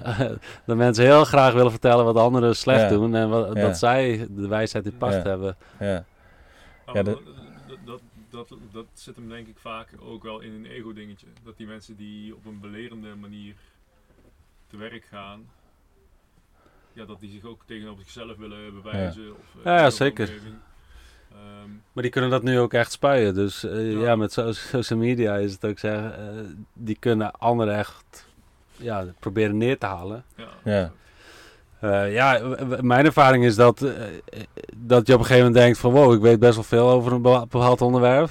En hoe, hoe dieper je gaat, hoe je denkt, hey, ik wist eigenlijk helemaal niks. Nee, precies, Dat, ja. dat had jij waarschijnlijk ook, dat je, ja, je begon ergens en dan denk je, wow, ik weet wel Ja. wat. En dan ja, ga je dieper. Ja, ja, zo is het echt. En, eh, en, en dat, dat, dat maakt je ook wel een beetje, eh, ja, dat, dat je denkt, nou, ik kan mijn grote mond alleen, want Ja. ik weet wat ik allemaal niet weet Ja. of zo. Of ik Ja. weet eigenlijk niet wat ik niet, wel Ja. weet, weet je wel. Ja, dat is dat typische, dat dunning, die dunning, dunning Ja, ja, ja. curve. Ja. Dat je, eh, in het begin de Ja. van de berg te schreeuwen van kijk eens wat ik Ja. allemaal weet. En Ja. dan ga je nog een stapje verder. Ja. Oeh. Ja. Ja, je, ja, je, Maar dat- is- dat is- ook een, een wel nog een klein beetje wat mij onzeker houdt. Dat, dat ik niet alles weet. En dat mensen misschien van jou verwachten, omdat je zo'n eh, met gezondheid en leefstijl bezig bent, dat je er alles over weet. ja, En dat je dus dan maar iedereen kan helpen. Ja.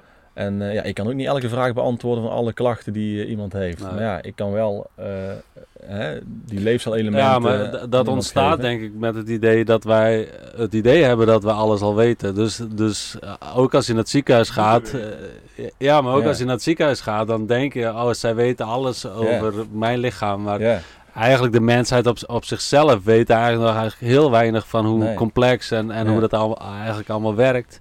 Dus we zijn nog in het proces van ontdekken wat dat eigenlijk nog allemaal, eh, hoe dat eigenlijk allemaal samenwerkt. En eh, nu, nu zitten we laatst met microbioom, dat, dat is een universum op zichzelf. Ja, er wordt, wordt ook heel veel eh, ja, in één keer ontdekt van wow, de rol in kanker, de rol in dat en dat. En, Ja. eh, dan, dan denk ik, wow, ja, we zitten met kanker bijvoorbeeld alleen maar smeren te zeggen.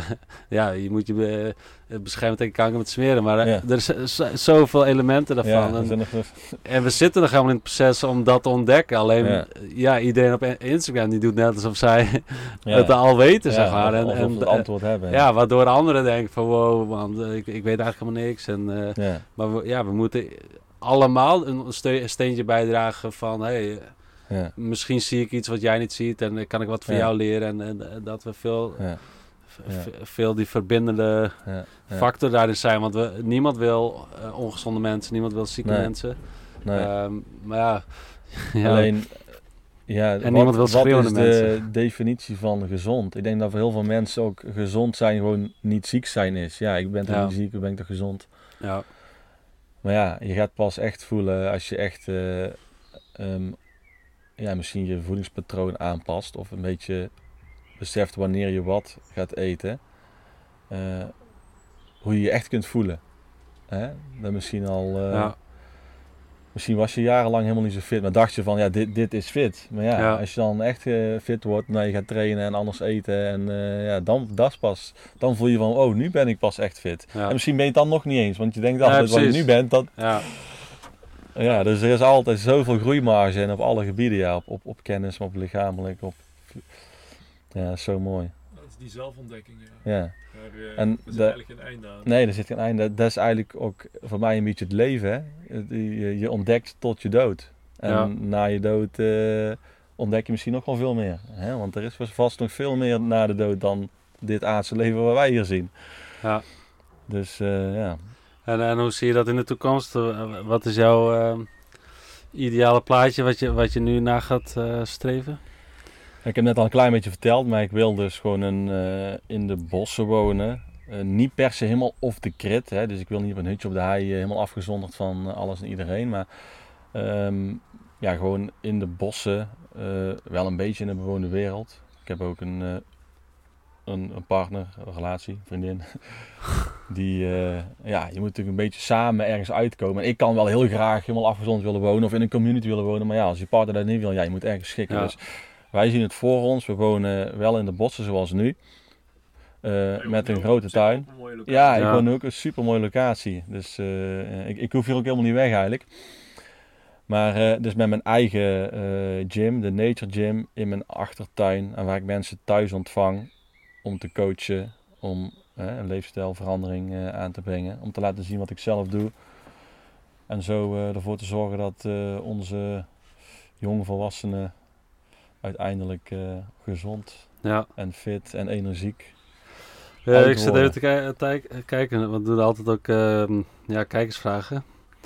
Ehm, Oh, leuk. Maar, ja, alleen ik, ik, heb, ik heb een, ehm, een, een, een klein woordje vergeten in de, in de, in de Instagram post. Dus, eh, dus wat, wat ik zei dat je be- bezig bent met eh, het zelfvoorzienende leven, eh, dat je daar naartoe wilt. Maar ik, ik had gezegd van dat je dat wel bent. Dus de, de, de, gaan dan ook over van ja, is er iets wat je mist nu je off-grid bent? Zo, dus, zover ben je dus eigenlijk nog niet. Oh, nee. nou, ik, ik, ik, ik, ik, woon wel uit het dorp, hè, niet, maar niet volledig off-grid. Dus op dit moment, ja, wat, wat ik mis. Ik, ik ben met mijn fiets in een kwartier in het dorp. Ja, ja.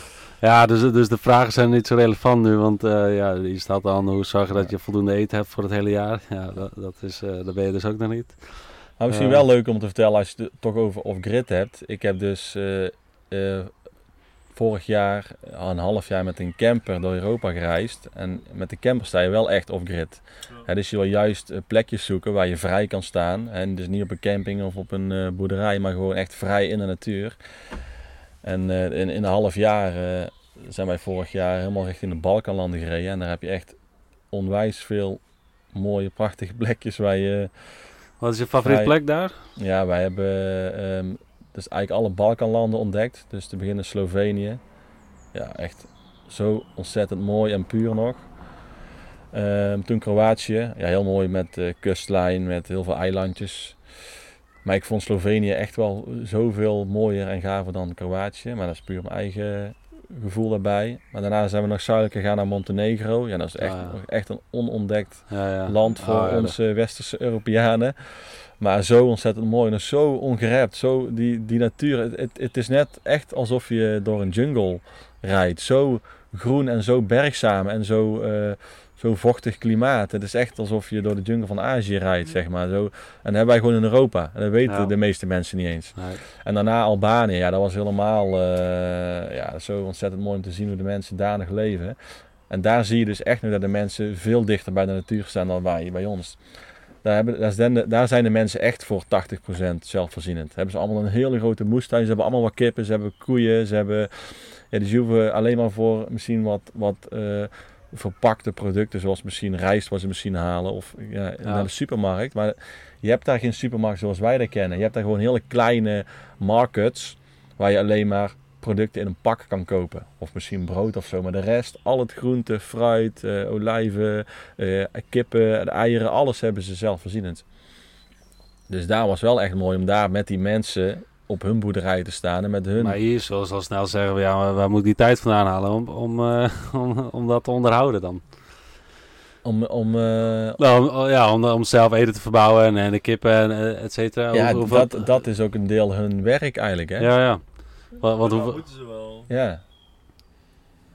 Ja, nee, kijk, als je, als je nu uh, uh, in ons huidige leven de meeste mensen voor een baas werken en ze moeten 40 uur gaan werken, ja, dan heb je natuurlijk geen tijd om daarnaast nog een heel uh, boerderij te onderhouden. Maar als je dat, ja, als, als de boerderij daar, of in ieder geval het, het, hetgeen wat je zelf voorziend hebt, jouw, deel van jouw werkzaamheden zijn op de dag, ja. ja. dan ben je dus ook veel meer geaard en buiten. En de dag-nachtritmes zijn gewoon veel gestructureerder dan hier, hè, door onze schermpjes en overwerken en uh, ploegen werken met nachtdiensten en zo. Ja, het is echt om je gezondheid hier te, ja. te verkloten, zeg maar. En daar is het nog veel, uh, veel aardser, veel uh, back to basic, dichter bij de natuur. Ja, ik vond het geweldig om te zien. En, uh, ja. dus. Zeker een aanrader. Ik hoor het vaak, ja, dat, dat die kant, ja, je rijdt er niet zomaar heen met de auto natuurlijk. Het is wel een aardig stukje. Ja, je moet wel echt de tijd hebben. Je moet wel echt weken hebben. Wij hadden dan zes maanden, een half jaar. En uh, ja, dus als je dus echt een half jaar weg bent, zoals vorig jaar, en je stapt dus echt uit je huidige leven, dan, dan komen er ook zo'n uh, ja. ideeën zoals ik nu heb. Uh, Hoe heb je dat gedaan? Want je had toen een vaste baan. Hoe is jou dat ja. gelukt? Want ik denk dat ehm, mensen die nu luisteren met een 9 tot 5 denken van oh, allemaal leuk en aardig. Ja, hoe maar, kan ik een half jaar weg? gewoon op werk ja. verwacht. Ja. Um, ik heb een half jaar onbetaald verlof genomen. Dus ik, ik wilde zo graag gewoon weg. En niet per se weg omdat ik het hier niet fijn had, maar ik wilde gewoon. En ik, ik vind de wereld ontdekken superleuk. Hè, hoe andere mensen leven, uh, andere flora, fauna. Dat vind ik superleuk. Maar ook gewoon even uit je, uit je dagelijkse leven stappen. En even, ik zat op het moment van mijn leven dat, dat, ja, dat ik iets nieuws wilde of zo. Dat ik uh, tijd was voor een nieuwe stap. En ik wist niet echt wat. Dus ik dacht, ik, moet, ik ga gewoon even een half jaar weg. En dan. Uh, dan komen die antwoorden vanzelf. Ja. je, dat heb ik samen met mijn vriendin gedaan, met z'n tweeën. Ja, dan ben je ja, zoveel momenten gewoon alleen en in stilte. En als je in stilte bent, dan geeft eigenlijk je lichaam alle antwoorden. Zo, eh, ja, letterlijk bijna. Want dan, dan ga je, ja, als ik in stilte ben, dan, dan weet ik precies wat ik moet doen. Alleen, wij leiden ons heel de dag af met het telefoontje. Dus je komt nooit in die stilte en in je onderbewuste. Dus wij, ja, als je je on- on- ongemakkelijk voelt hier, of eh, je voelt, zit niet lekker in vel, oh, even het telefoontje pakken, dan voel ik me weer beter even. Maar daar heb je, de, ja, heb je zoveel momenten gewoon lekker met jezelf alleen. En toen is echt heel mijn idee ontstaan van ja, ik ga, het, eh, ik ga zelf mensen helpen op mijn manier. Met mijn eigen buitengym. En eh, ja, daar ben ik nu dus in het klein. Dus eigenlijk is de, is de afsluiter een beetje van ehm, in stilte zijn. Of je in stilte gaan en daar vind je de antwoorden. Ja, dat is voor mij eh, wel echt een, eh, een hele grote factor geweest.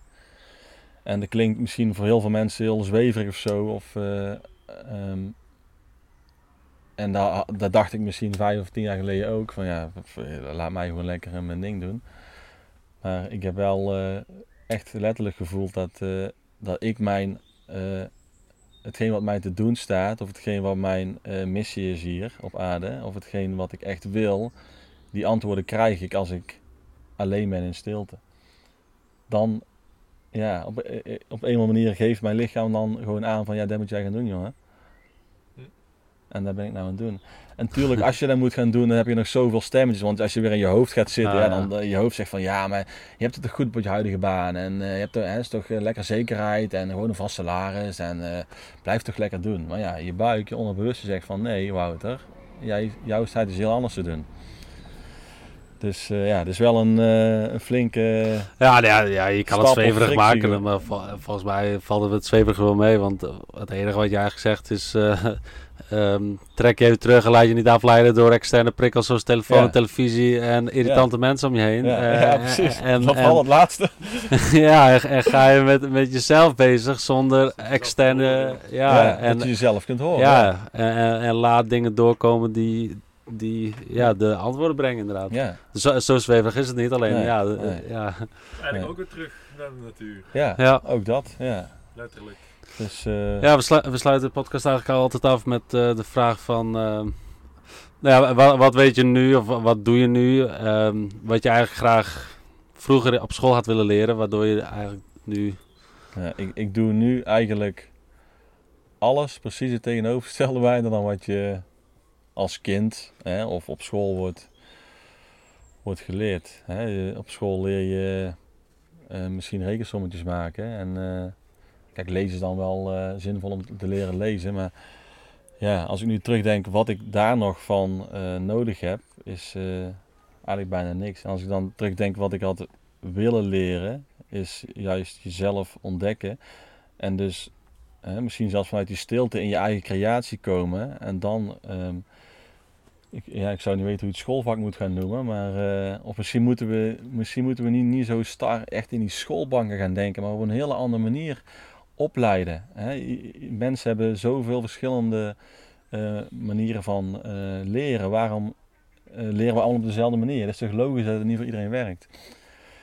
Dus ja, alles wat ik nu weet, waar ik zelf heb ontdekt, zelf onderzoek, ja, ehm, even uit je leven stappen. Uit je lekker links zo zwaar. Even eh, iets anders gaan Even doen het leven stappen. Even, even iets anders doen dan werken. Doet het anders. Daar, eh, ja, daar liggen de antwoorden. Dus de sleur eh, onderbreken misschien ook wel. Ja. Zo dan. Nou, Ja, Ja. de, denk, eh, de ratrace. Ja, De rat race waar we in zitten, ja. nee, ik denk dat dat, eh, dat dat wel een mooie is. Om af te sluiten, niet? Ja. Ja, mogen we je hartelijk bedanken voor eh, deze middag. Eh, de workout eh, die we gedaan hebben. Ehm de, het ijsbadje natuurlijk. Ja, En Ja. eh, dat je ons uitgenodigd hebt op deze prachtige plek. ja. dit is een mooie locatie. Ja, bedankt jongen. ja, top. Ja, jullie bedankt dat jullie langs wilden komen en eh, ja, mijn verhaal wilden horen. Ja, Ja, nou, Dus, dat, dat hebben we graag gedaan. ja. ja het is mooi dat je die, die, die, eh, die ondernemerschap hebt van oké, ik, ik constant jezelf willen ontwikkelen. En dat begint dan al eh, op de boerderij, op de, op de crossfiets, eh, Ja. wielrennen. En dan constant verder kijken. Maar dat je wel zegt, oké, nu, nu voel ik dit niet meer. Maar ik ga iets anders aanpakken. Want ja.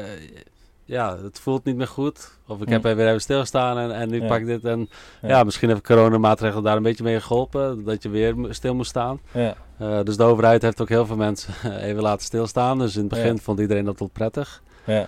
Eh, en, en bij jou, ja, dat, dat je dat dan ook gewoon doet. Ja, vind ik mooi. Ja. Dat je echt zegt, oké, eh, fuck it, ik, eh, ik doe het gewoon. ja, dankjewel. Ja, dat is wel mooi. een mooie, een mooie samenvatting van wat er vandaag besproken is. Ja, Ja. Dus als je iets echt wil, het enige wat je moet doen, is het gewoon doen. nou, zo simpel kan het leven Zo zijn. simpel kan het leven zijn. Ja. laten we daarmee afsluiten. Eh, nou, nogmaals bedankt Wouter. En eh, als je deze hele podcast hebt geluisterd of gekeken en geluisterd, dan eh, ook enorm bedankt. Als je de podcast waardevol vond, deel hem dan even op social media, deel hem met je vrienden, geef hem een like. Als je nog suggesties voor ons hebt voor andere guides of andere interessante personen om langs te gaan met de camper, waar we iets kunnen leren of hun waardevolle lessen met jullie kunnen delen, laat het ons ook weten. En tot slot, als je ons wil supporten, zodat we nou ja, meer van dit soort uitstapjes kunnen doen, meer van dit soort reizen, meer interessante mensen kunnen bezoeken, dan, eh, dan kan je ons altijd eh, steunen door middel van een vrijwillige donatie via ikiguides.nl slash campertour. En dan zouden we je uiteraard eh, ja, enorm dankbaar zijn. Ja. Ehm, ja, dit was het voor deze podcast. We spreken je in een vol volgende. ja, bedankt. Yes.